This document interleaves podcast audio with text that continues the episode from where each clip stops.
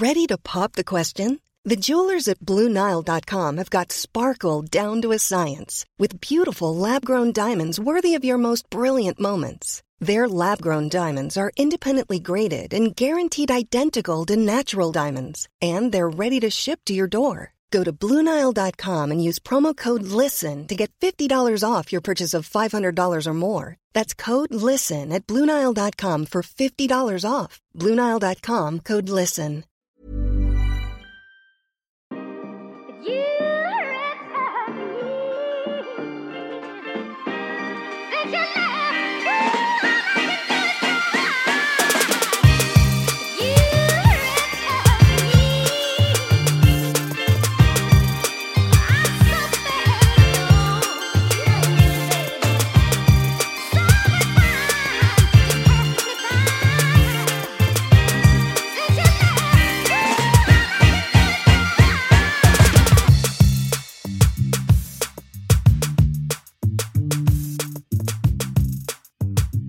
Hej hörni, ni lyssnar på Okrystat med mig Asabia. Och mig Opokoa. Och veckans avsnitt är sponsrat av Länsförsäkringar och deras nya gravidförsäkring. Det känns så himla kul. Jättekul eh, och vi har tänkt att vi ska ägna avsnittet åt att prata om vanliga rädslor som man kan ha inför eh, en graviditet och en eh, förlossning och tiden precis efter. Men kanske framför allt om hur man kan skapa trygghet inför ehm, liksom minska de räds- rädslorna och skapa trygghet inför de stunderna i livet. Verkligen så att det inte tar över. För jag tror att vi alla, eh, eller alla, men jag tror de flesta som har tänkt bli gravida eller som har varit gravida har ju ändå känt någon typ av oro.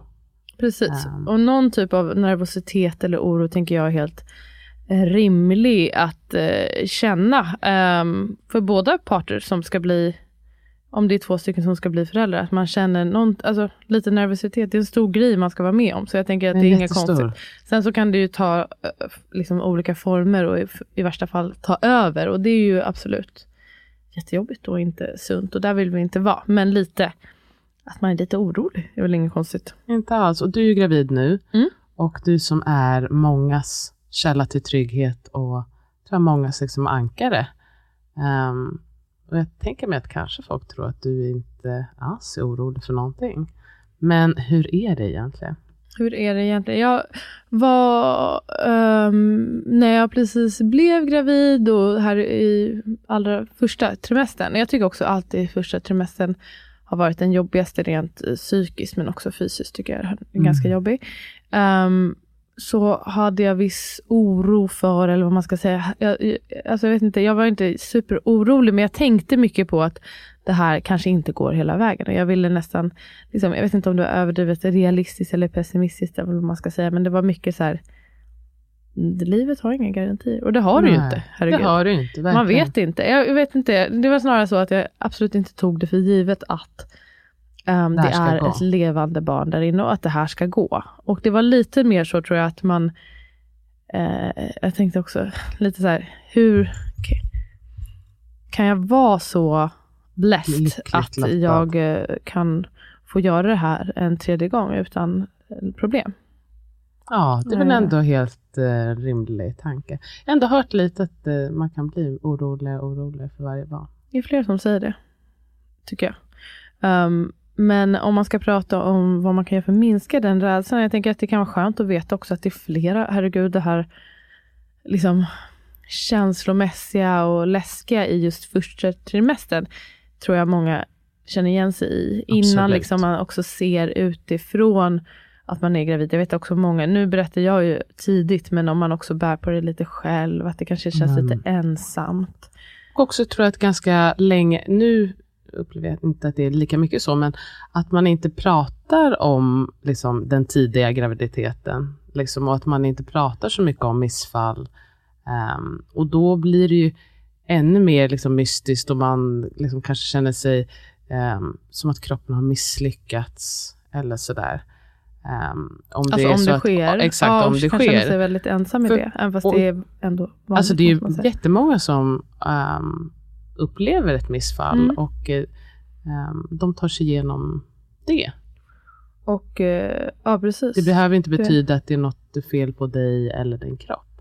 Mm. Och för de allra flesta finns ändå hjälp att få. Om det är så att det är väldigt svårt att, att bli gravid så är ju det en fördel med dagens teknologi och resurser från Precis. vårdens sida, att man kan få hjälp.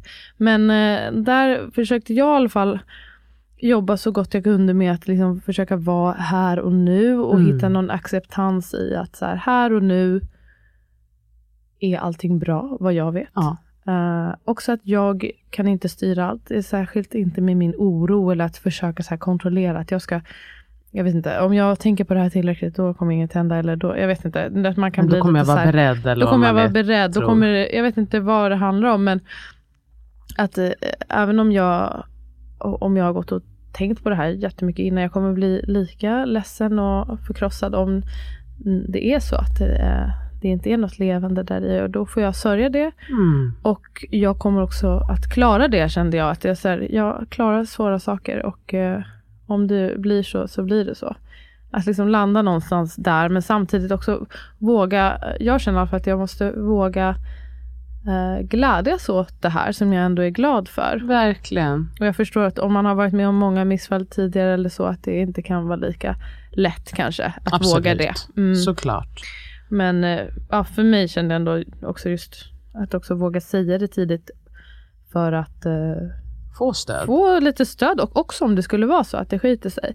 Eh, att känna att då har jag andra som kan hjälpa och lyfta mig och trösta mig och ta hand om mig då. Ja, men verkligen. Jag var också mycket mer, jag var ju mer rädd eh, med mitt eh, andra barn. Eh, Men jag minns också att jag även där kände så här, men vet du vad? Känn alla känslor så länge det här inte tar över. Liksom att allting blir bara oro, oro. Att det är också okej. Det här är ju något jättestort som man har längtat efter jättemycket. Att vara orolig att det ska tas ifrån en. Det är inte något konstigt med det. Och att jag istället för att så här, Låta tränga undan. Mm. Ja, för oron fanns ju ändå där, så jag visste att den kommer ju poppa upp ändå. Att ibland säga till sig själv att okej, nu släpper jag allt. Nu känner jag bara oron. Mm, tillåta det en Ja, stund. och bara så här, oro, oro, oro. Och oftast, alltså inom fem minuter, så la det sig ju på något sätt. Att så här, Mm. ja, okej, då är jag i det här. Och sen så typ börjar man tänka på lite annat. Eller så här, ja, okej, det är, men jag kan också känna glädje. Och så där. Så jag tänker att det är en sak om, om det verkligen tar överhanden och man känner att man blir crippled och man liksom bara känner sig ledsen och Då sådär. behöver man ju ta hjälp Ja, utifrån. Men eh, annars, att våga också acceptera även de jobbiga känslorna. Ja, verkligen. Och en ganska vanlig grej eh, som man gör för att här, hitta den här tryggheten lite också utifrån är att man vill göra tidigt ultraljud och det gjorde jag också med mitt första barn för typ att jag kände att det, det kan inte vara sant att jag är gravid. Det är så svårt att Jag föreställa. Nej men jag kan väl Alltså hur kan det... Jag känner Hur inget. Nej, jag, jag vet inte. Hur kan det gå till? Ehm, och jag brukar säga det, alltså gör det om man vill. Om man känner att också att det är ett sätt för att förstå och hitta ett lugn, så go for it. Men att man också måste någonstans kanske jobba lite mer inifrån att, för ultraljud ger ju någonting. Man kanske ser ett tickande hjärta där förhoppningsvis. Exakt. Eh, men det är en ögonblicksbild och eh, till slut är det du som måste våga tro och känna och lyssna på din och intuition. go with the liksom. flow. Och go with the flow.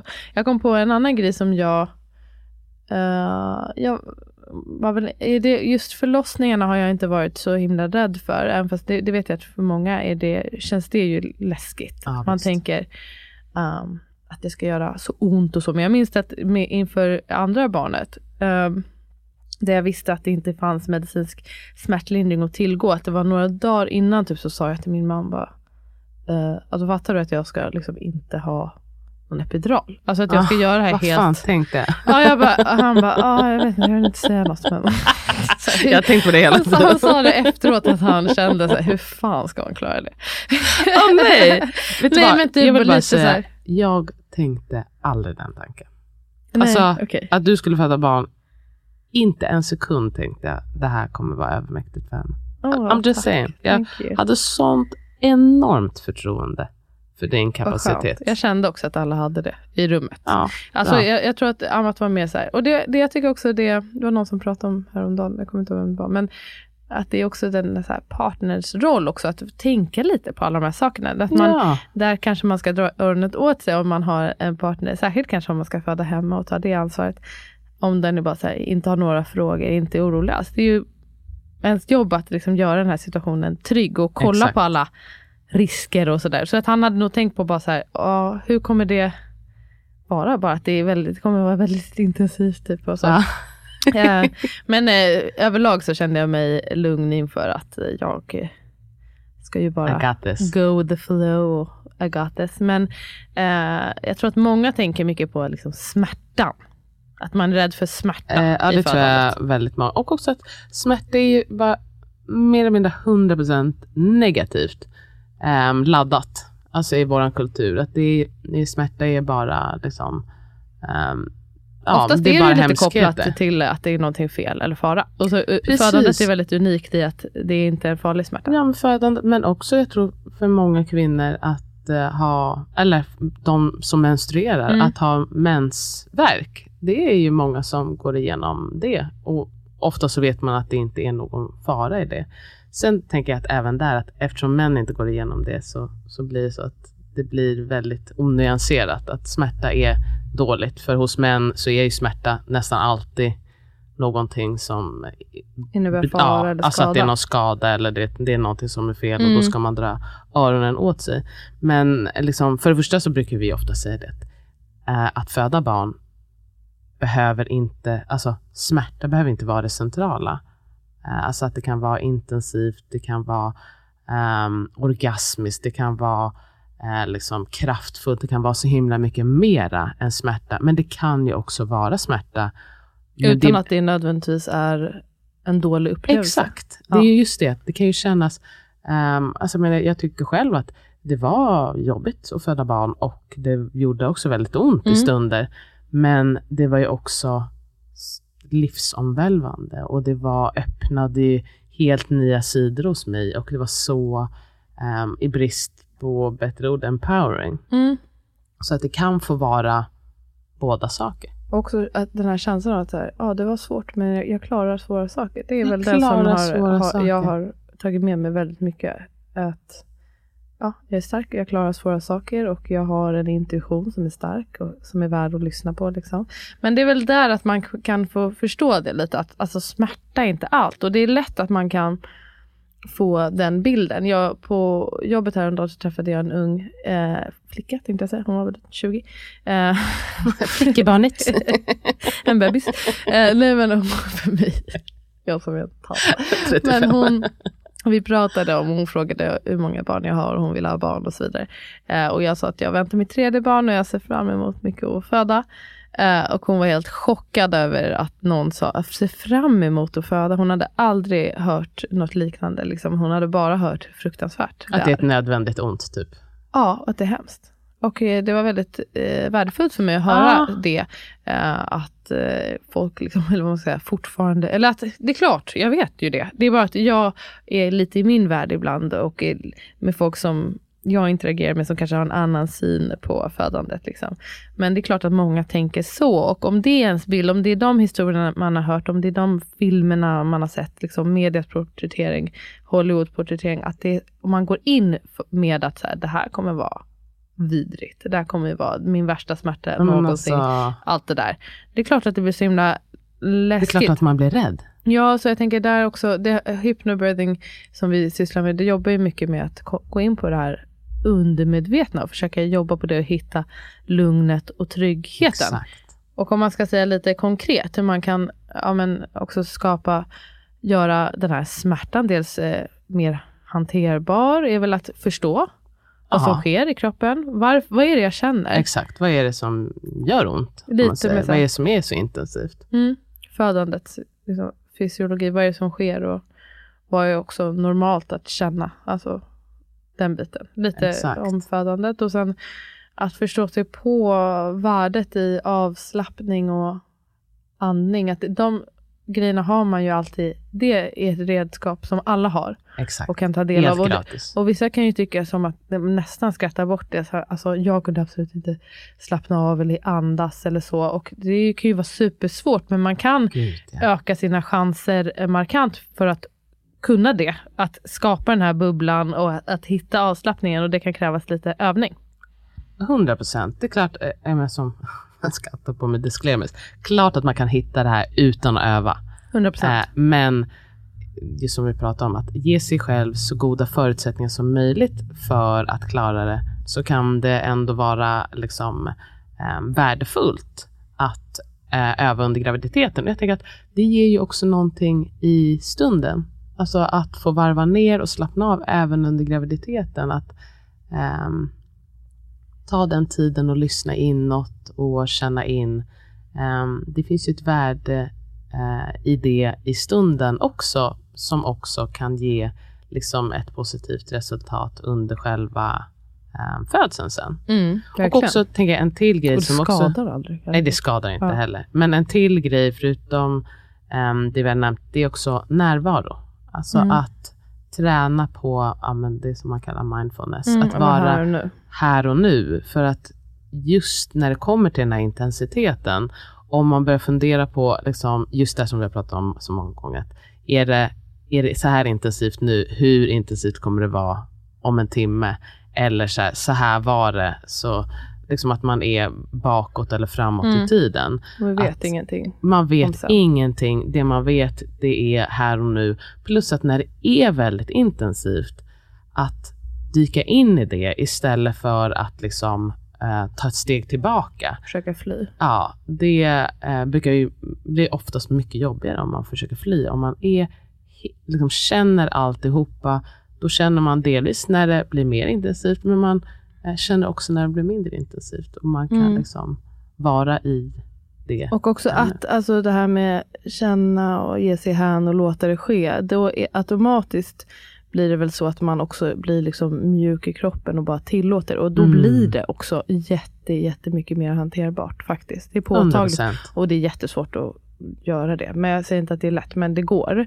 Och jag tycker man gärna ska, liksom, även i början, om det känns helt hanterbart, börja och öva på det. Att vara alldeles mjuk, andas alldeles lugnt. För Det att blir mycket öva, öva, öva. lättare ju också då än att börja slappna av när det är liksom svårt att hantera. Jag menar, då, eh, då är det svårt att komma ner i varv. Om man, alltså jag säger det, börja redan alltså när man börjar ha lite så här förverkar eller liksom om man har lite sammandragningar under graviditeten. Bara för att öva. Ja, bara Mm. för att öva och få det där så att det sitter i ryggmärgen så att när det blir liksom dags-dags, då kommer det automatiskt att man blundar, att man sänker axlarna. Man är liksom. här och nu. Ehm, och att också kanske en stödpersoner ehm, är med på det här. Vad Mm. är det du behöver för att kunna slappna av så mycket som möjligt?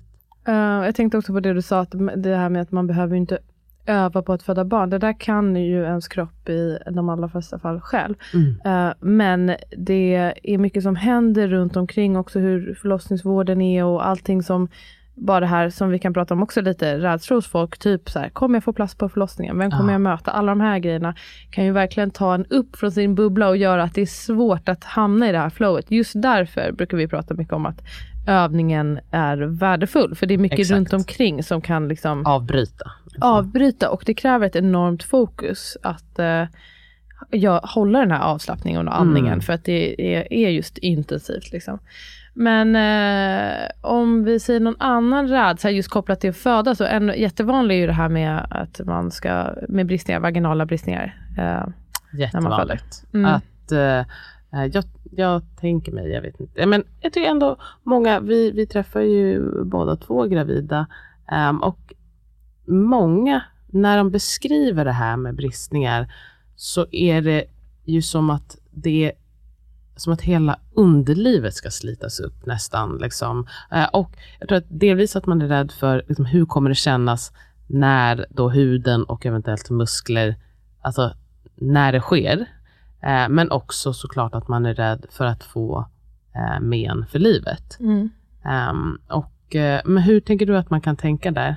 Jag tänker dels det att jag tycker ändå viktigt att poängtera att man inte vill förminska aldrig folks upp som har varit med om bristningar som har blivit men för livet. För det är verkligen ett enormt trauma, både Verkligen. fysiskt och mentalt och känslomässigt och allt. Och det kan vara jättesvårt. Så jag förstår också att det kan vara en rädsla. För det skulle vara jätteläskigt om det hände en. Och sådana här, så här basala funktioner om de rubbas. Kunna Ja, kan- kissa, ja, men kunna exakt. bajsa, kunna hålla in en prutt. Men jag tycker ändå att det kan vara en viss trygghet i att veta att uh, jag som ändå ibland är lite småkritisk till vissa delar av förlossningsvården. En del som man har blivit enormt mycket bättre på är ändå det här med bristningar. Och mycket handlar om dels att veta hur man förebygger, det har man också blivit bättre på. Men när det sker, att kunna identifiera, det har man blivit så mycket bättre på. Att se när en bristning sker och veta hur man lagar Hur man på bästa sätt. Och då har man ju förhindrat mängder av problem. Många av de som har eh, äldre kvinnor som har men eh, under lång tid. Att dels att vården hade ingen förståelse. Också så här, ja men du har fött barn typ. Då, det gör ont. det gör barn. ont, då kan du inte kissa någonsin. Eller då kan du inte hålla kisset. Typ. Så här. Såna, jag tycker hela Fan. attityden har förändrats men också kunskapen i hur man lagar. Så det, det kan man vara eh, skönt att veta. Och att en bristning i sig, även en större, det kan man säga också, att bristningar det kan vara massa olika. Det kan ju vara Exakt. ett skruvsår till en större bristning. De allra större, de är de ovanligaste. Men även om det sker, är ju inte det the end of the world. Det Om man, betyder ju inte att du kommer ha men för livet. nej, nej, nej. Och om man har en stor bristning som man har identifierat och syr då, på operation syr man av en specialist som är jätteduktig på det. Då, är det då, då, då tycker jag att man ändå kan vara glad att ja, men de har sett det här. Då gör Ja. man det eh, så bra som det går. Det, det som är det man verkligen vill undvika är att det ska vara en odiagnostiserad bristning. Och sen så tänker jag också med det här med rädsla för bristningar. Jag upplever i alla fall att det är framförallt personer som inte har fått barn tidigare. Och jag tror att det är för att man tänker man har ju så, det är svårt att föreställa sig, vad är verkar? Hur känns det? Alltså det går ju inte. Exakt, det det är är, svårt knappt att det går sig. att tänka sig nu.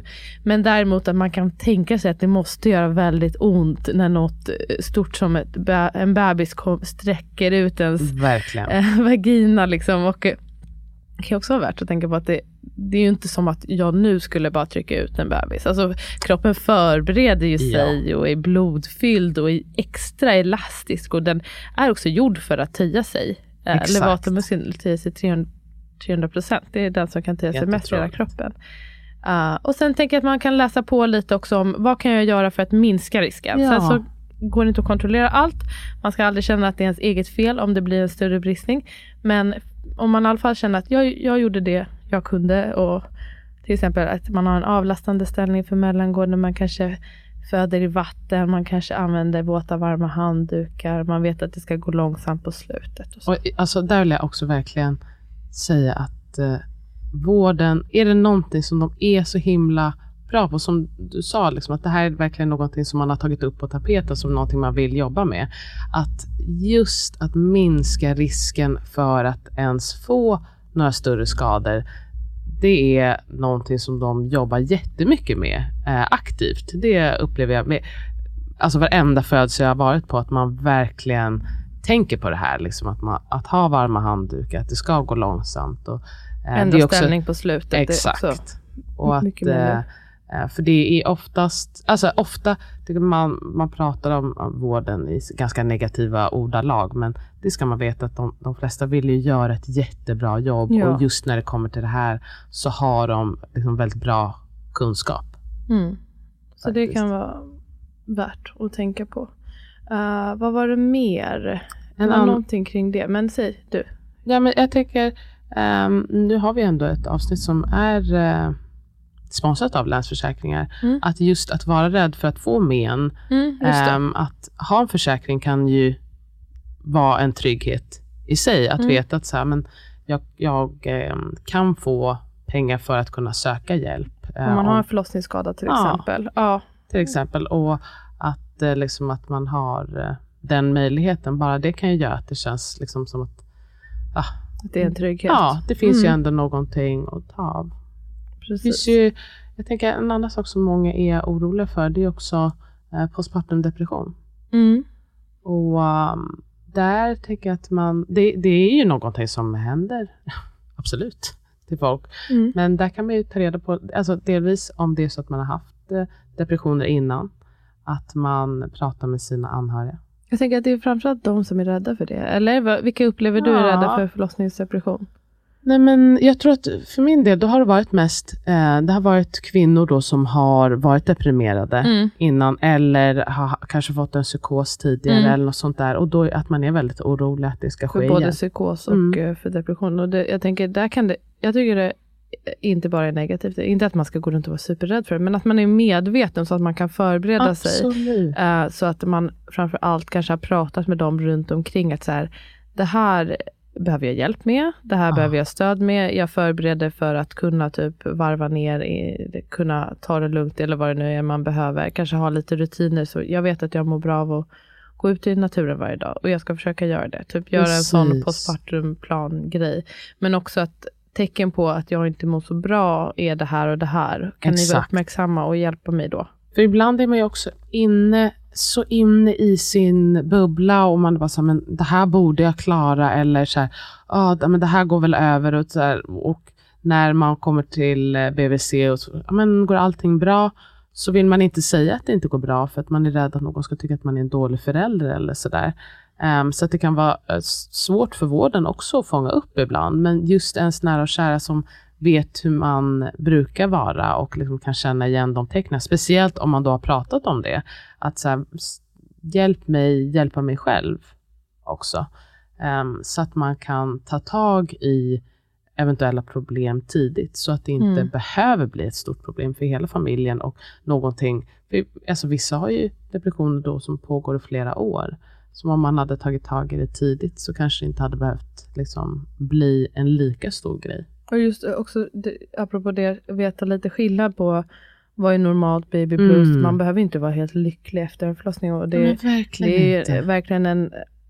Ibland är det rosa moln och skimmer och whatever. Men för många är det väldigt upp och ner. För många kan det vara liksom eh, rent eh, existentiellt eh, omtumlande att eh, föra 100%. ett eh, barn till världen, en ny familjekonstellation, en ny kropp, en ny relation kanske om man är i en relation. Det är mycket nytt och man kanske också eh, har mer eller mindre rätt att knyta an till barnet eller känna den här, man kanske har tänkt att det skulle vara den här mega Och jag oförälskelse, så är det älskar bara det, så här, ja. eller att allt ska komma så naturligt, det är krav och man ska också kanske komma, ha krav på sig själv att komma tillbaka på något sätt till ens gamla. Man jämför sig så himla och mycket. jämför sig med andra. Det är mycket, alltså det är inte lätt, men att man också har någon, kan sålla lite, vad är helt vanligt och vad är inte, vad, vad, när ska man söka hjälp? Liksom om det är mycket mörker och det inte går över, ehm, så är det dags att söka hjälp kan Ja. man väl säga. Och där är det också något särskilt just liksom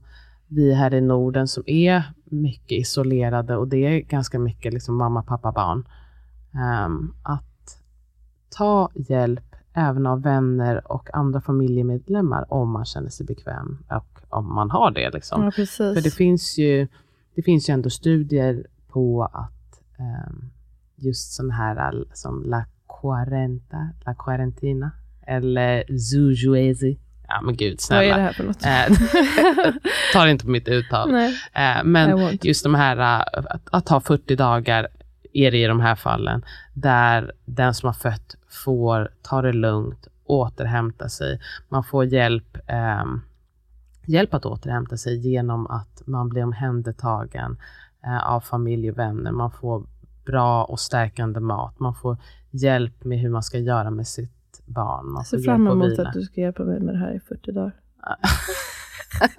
Nej men du ska 40 hjälpa mig timmar. i två, två, 48 timmar. Men det är också jättebra. Men det är ju verkligen så, vi har också inte den kulturen och Nej. många har inte ens, man kanske inte ens har kontakt med familjen, man är inte eller van att be om allt det där. Men kanske bara öppna upp för tanken och framförallt Ja. öppna upp för förståelsen att det här är inte jag tror absolut inte det är meningen att man ska fixa det här själv. Nej, man får tio dagar, eh, partner om man har en sådan får tio dagar tillsammans. Sen så ska man basically vara uh, by your lonesome. Liksom. Alltså det, så tror jag inte det hela var tänkt. Det är väldigt mycket för en eller två personer att hantera eh, ett eller flera barn och, och vara liksom isolerad. Alltså att om man kan försöka skapa någon typ av community, och Community. våga, våga inte vara helt självständig och klara Nej. allt. Du ska inte klara allt. Mm. Det är liksom, man kan inte allt, man behöver heller inte uppfinna hjulet. Alltså, alltså, okej, ibland kan man ju säkert känna att så här, "Åh, folk kommer med så jävla mycket tips. Men alltså, hitta några som du litar på och som du känner har lite samma värderingar och, och våga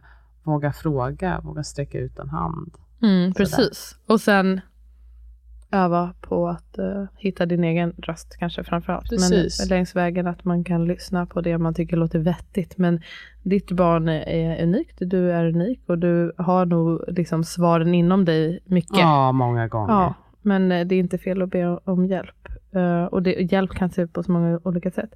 Jag tror att, men också postpartum depression, det kan man också få hjälp av med försäkring till exempel. Eller hur? Det tror jag Det säkerligen. tror jag säkert, det kan man kolla. Um, vad mer? Om vi ska ta, ska vi ta två rädslor till som är... Jag tänker att Vanliga. det är må- många som i alla fall vill föda vaginalt är oroliga för att det ska bli snitt. Eller herregud tvärtom, folk som absolut vill ha snitt är rädda för att föda För, vaginalt. föda vaginalt. Ja, Ja. man kan man säga. Ehm, tankar? Ehm, ja, just när man vill ha ett snitt och man inte kan få det. Det är, det är fruktansvärt såklart. Liksom. Och det är ehm, olika lätt beroende på vart man bor, vilket sjukhus, vem man träffar. Mm. Ehm, och är det så att man bor någonstans där det absolut inte går, ehm, så tänker jag väl att man får försöka alltså, läsa på, kanske fråga sig vad, vad är det man är orolig för när det kommer till födseln och försöka bearbeta de rädslorna. Ja, och försöka. Ja, jag, jag håller verkligen... Jag är så här, tänker jag, med alla förlossningssätt. Jag önskar att man själv eh, fick välja. Sen så önskar jag också att rädslan inte ska vara det som styr primärt. Och det, det, det handlar, det, alltså hur man än tänkt föda, om man vill föda hemma, att det inte ska vara grundat i en rädsla för sjukhus Exakt. utan snarare att jag har min stora trygghet hemma. Exakt. Och att, eh, att föda med snitt helst inte ska bottna i en djup rädsla för att föda vaginalt och så vidare. Ehm, och att också föda vaginalt inte ska, helst inte ha jätterädsla för att föda med kejsarsnitt. För att det är väldigt skört, för man vet inte faktiskt vad som kommer, kommer hända eller behövas. Och då blir det, då kan den där rädslan verkligen sätta käppar i hjulet. Och jag tycker Ja. också att vården då har failat den. För vi ska kunna hjälpa med de där rädslorna. ja. Med det sagt, om man eh, känner att liksom, kejsarsnitt är det jag verkligen vill ha, då tycker jag verkligen man ska få det. Och det är väldigt Ja. illa att det är så olika på olika ställen. Men om det är så att man eh, är tvungen, att man då, som du säger, försöka lyfta rädslorna till ytan. Försöka känna hur kan jag göra för att göra det här så tryggt Så bra som, som möjligt möjligt. för Ja. mig. Och alla andra tips och råd som vi har sagt med att hitta, öva på avslappningen och, så vidare. Precis. Maxa sitt stödsystem och så. Och gällande att vilja föda eh, vaginalt och sen att det blir ett kejsarsnitt, antingen planerat eller eh, akut. akut. känns väl för många läskigare, eller urakut. Eh, Ja. Men att där eh, dels våga kanske tänka på det också under graviditeten. Även om, precis på samma sätt, så här, även om det känns jätteläskigt för en, att våga ta det till ytan och Ja, eh, som du eh, pratade om tidigare vid något tillfälle, att också kanske ha med det i ens förlossningsbrev ändå, även fast det kanske inte är så att man behöver foka på det man inte vill. Fokus främst på vad man vill och försöka liksom manifestera och få fram det, men också våga öppna dörren för vad man inte önskar, hur man ska göra det så tryggt som möjligt om det sker. exakt. För det också, det, det kan, om, om man bara trycker undan de här tankarna, tänker jag också. Att liksom, eh, självklart som du säger att man ska fokusera på det man vill, men det här är ju också ett alternativ och om man blir då, förslaget är att man ska göra ett akutsnitt, så, så brukar det finnas en anledning till det. Liksom. Ehm, och det vill säga att det kan bli, kom ihåg att även det kan bli en jättefin ehm, upplevelse. Att mycket handlar bara om att man får ta ett informerat beslut. Att man verkligen känner att man förstår Mm. varför blir det nu ett akutsnitt. Och även om man har längtat efter en vaginal födsel, och man får sörja att det inte blev så. Mm. Men det betyder inte per automatik att det blir ett trauma eller att det kommer bli en dålig upplevelse. Ehm, utan det kan bli något jättefint ändå. Och att tänka så här, men vad, vad skulle jag kunna göra för att det skulle kunna bli så fint som möjligt? Skulle jag vilja eh, lyssna på något särskilt eller ehm, önskar jag liksom att de eh, lägger mitt barn på mitt bröst? Att ta reda på lite liksom, vad, vad finns det för möjligheter och vad skulle jag kunna göra för att det skulle kunna bli så bra som möjligt om jag hamnar i den situationen? Mm. Och skriva det i Precis. sitt förlossningsbrev. Precis, jag tänkte på det också. Jag, min, min, eh, min förhoppning är ju till exempel att föda hemma och det är det jag ska också försöka fokusera på och planera och jobba inför. Men där tänker jag att det blir ännu viktigare då för mig som, alltså om du då skulle bli sjukhusfödd så att jag har en plan där och folk alla ja. vet hur vi ska göra det här så bra som möjligt. Eller om det skulle bli kejsarsnitt, hur ska jag göra det? Hur ska jag ta beslag av den upplevelsen och uh, göra det um, så bra som möjligt helt enkelt. Um, att det är viktigt att också ha lite så en Jätte. strategi för en plan B. Precis, och att även det kan bli himla fint. Ja, alltså ärligt talat, plats och förlopp jag märker det här mycket när jag jobbar med trauma, förlossningstrauma. Plats och förlopp är absolut sekundärt till hur man har blivit behandlad. Ja. Alltså absolut, om man har blivit hörd och lyssnat till och känner sig som du säger, att man är delaktig och respekterad. Alltså och, då... och alltså att man har förstått vad det är som sker. Att ja. jag har fått vara med och jag har blivit sedd och att jag tar ett informerat beslut. Att det inte är massa saker som händer över huvudet på mig. Eller att man inte har vågat fråga. Eller man kanske inte heller fått utrymmet att fråga. Så kan det också vara.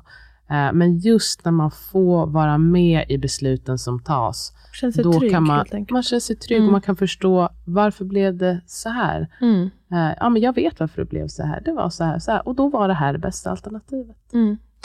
Innan vi säger den sista så tycker jag det var så fint att någon kallade sig eh, som fött med kejsarsnitt för kejsarinna. Att hon är så stolt kejsarinna. Ja, det var jag tyckte fint. det lät jättefint att ta pride i det. Mm, och Jättebra. att där, alltså, just det, också ta del av olika förlossningsberättelser. Det finns ju jättemånga positiva om eh, fina kejsarsnitt och fina ja. vaginala födslar. Och mm. överhuvudtaget just det, alltså verkligen ett sätt att skapa trygghet. Mm. Jag tror att mycket rädsla kommer också från någon typ av mystik mm. och liksom filmer och böcker som inte liksom, egentligen har så mycket med födandet överlag att göra. Att se hur det verkligen kan se ut, att också se en människa komma ut ur en annan människa, då ser man ju att men det här går. Jag ser ju hur vävnaden töjer sig och att barnet kom ut och liksom det och, går. Att, och också att det går på jättemånga olika sätt. Och den ja. här och den här och den här gör det på de här tusen olika sätt. Och man står det, och man sitter och man det ligger. Det blir verkligen man... en form av eh, KBT det för folk ja. som, just att det känns så, det kände jag väl också när jag var 20-årsåldern, att så här, hur kan hur det gå ska det till? Gå? Ja, ja, men verkligen, det är så litet. Hur ska det, det här är ju verkligen en, en bra grej som sociala medier har mm. gett, eh, alltså att man kan se förlossningsfilmer i överflöd. Och det tycker jag det är ett bra starkt tips. Att dels förlossningsberättelser, uh, gärna med en positiv fall. Positiv behöver inte säga så mycket om förloss, äh, förloppet, men hur, det man vill veta är hur man kan få en stärkande upplevelse, tänker Precis. jag. Och att man tar del av dem. Uh, men en sista som ties in lite till det här är det många, inte minst av folk som följer oss, upplever jag kanske, att man är rädd för hur, hur man ska bli behandlad av vården och att det kanske mm. finns en viss misstro till vården eller att man är rädd att bli överkörd. Liksom. Överkörd, man är rädd att, man in, alltså att de inte ska tro en. Kanske liksom att, säga, att man, man är så himla i deras händer. Kommer de släppa in mig? När ska jag åka dit? Vad, vad kommer att ske äh, där? Där är det väl också... När ska jag åka dit? Ja, ja. när ska jag åka dit liksom. Uh, men där tänker jag att mycket att försöka um, lära sig lite om sjukhusrutiner. Så att man har lite koll på ja, men vad, vad brukar erbjudas, så att säga. Vad, um, kanske till exempel eh, läsa på lite om K-vitamin så att man inte behöver ta det beslutet uh, där på sängen. Eller vad, vad innebär egentligen en epidural? Um, att ha bara lite basic kunskaper. Precis, och det handlar ju inte om att man ska säga nej till alla de här sakerna, nej, utan mer bara så här, veta, just det här med delaktighet, att känna att man vet vad som sker med ens kropp och med ens barn. Ja, och också liksom, um, att um, få lite pejl på, på läget, liksom kulturen på sjukhuset. Och så, så tror jag ändå, även om man kan beklaga sig över hur förlossningsvården ser ut, så de som jobbar i förlossningsvården, de flesta är väldigt kunniga, mm. proffsiga vill eh, och vill verkligen väl. Sen är ju strukturen de jobbar i, den kan man fila på, mm. om man säger. Men eh, individerna som jobbar och får att gå runt, de vill verkligen väl. Eh, men där är det ju liksom mm, toppen om man kan själv veta.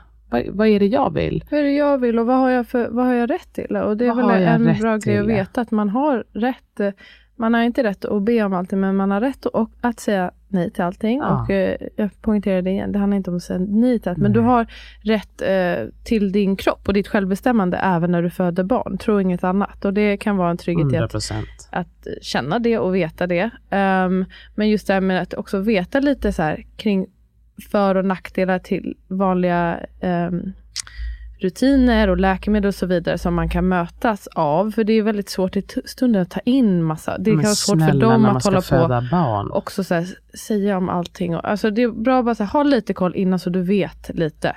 Allting har för och nackdelar. Ja. Ibland överväger det ena och det andra, ibland är det tvärtom.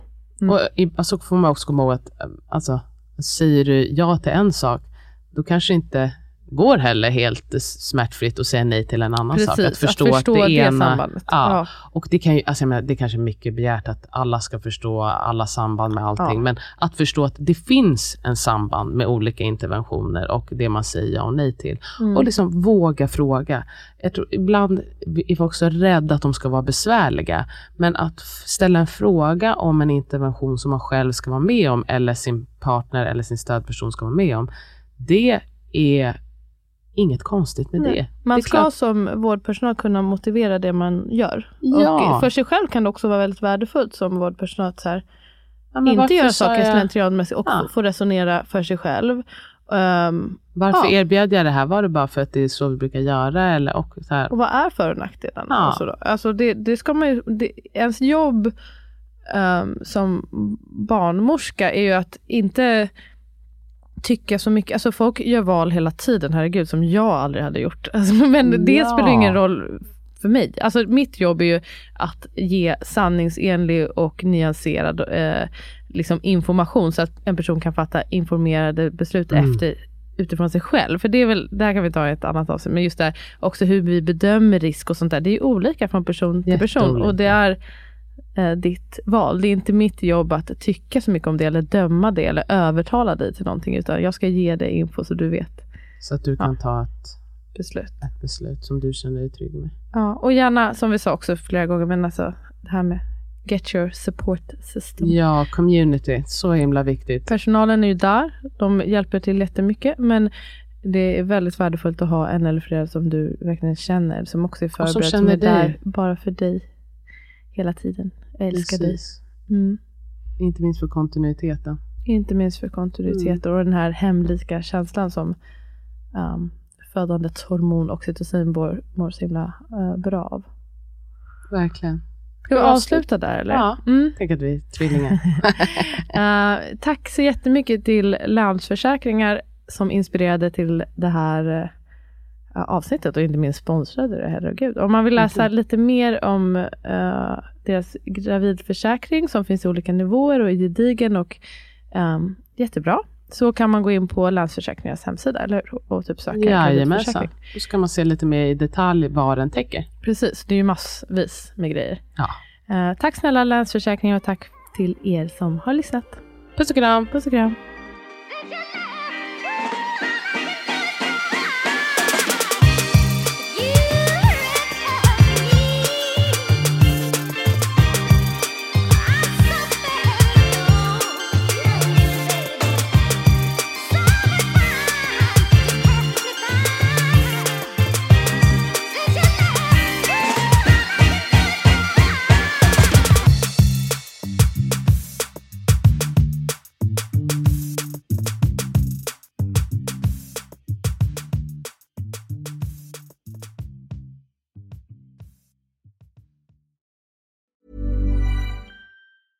Planning for your next trip?